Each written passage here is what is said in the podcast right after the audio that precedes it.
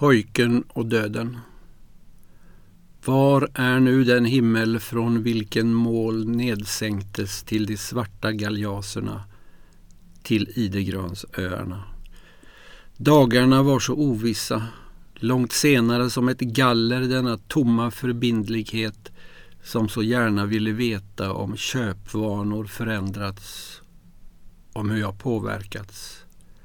Paradisannonser om hus som av starka färger bestrukits och som tycktes övergivna. Tårlöst sved ett bonuserbjudande om att få ögon utbytta inom en månad. Och så detta andra hus. Ej så vitt, ej så gult, men av det salta grånat. Må hända ett under att det stod där i stormen efter sjukdomen och att barnen klarade sin skolgång. Det fanns ju ingen frid. Bara brev om hur svårt det var att få nya frakter. Helsingborg, Limhamn, Kalmar, Lübeck. Skuggan av fotografen som inte borde varit med på bilden och den ljusa klänningen på trappan sömmad samma vinter.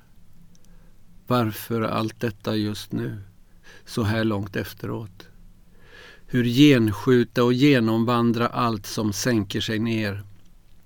Hur skynda fram i iver på den allt kortare banan när under aftonhimlen varje rörelse är iakttagen av paradiskvinnor, av paradismän, försäkringar, fjärrkontroller, ansiktsvatten, kattmat.